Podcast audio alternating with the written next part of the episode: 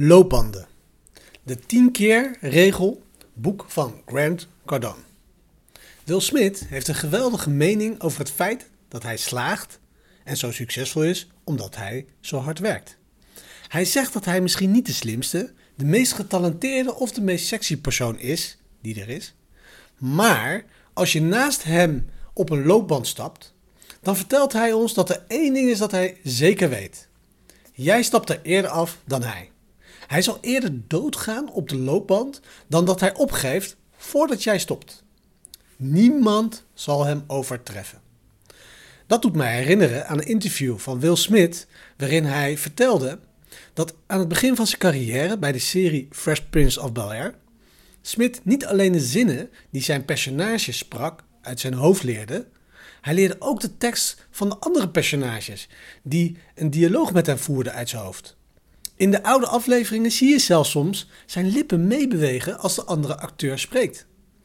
Maar naast het feit dat hij bereid is om op die loopbaan te sterven, vermoed ik dat hij ook de eerste is die er de volgende dag weer staat.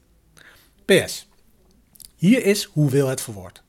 Het enige dat ik zie dat duidelijk anders is aan mij, is dat ik niet bang ben om op een loopband, loopband te sterven.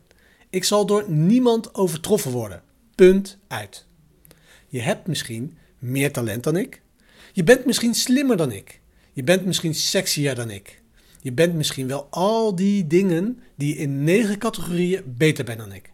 Maar als we samen op de loopbaan stappen, dan zijn er twee dingen. Jij stapt als eerste van de band of ik ga dood.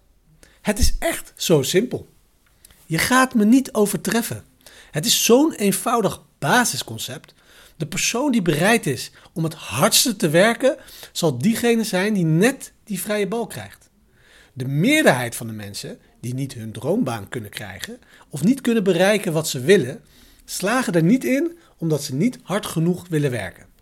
Dat komt grotendeels doordat ze overtroffen worden. En daardoor missen ze cruciale kansen.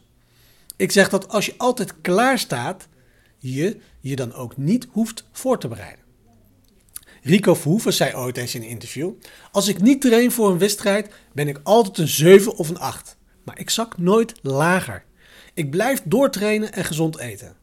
De meeste andere vechters die zakken naar onder een 6 als ze niet trainen voor een wedstrijd.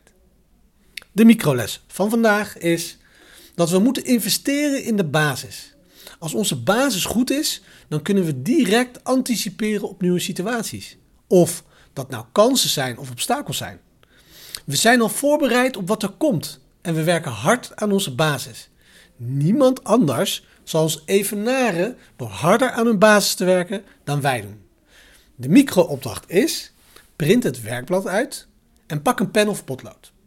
Ga in een rustige ruimte zitten en schrijf op wat in je opkomt nu je deze microles hebt gekregen. Neem net zoveel tijd als je wilt, maar zorg dat je minimaal 20 minuten aan deze opdracht werkt.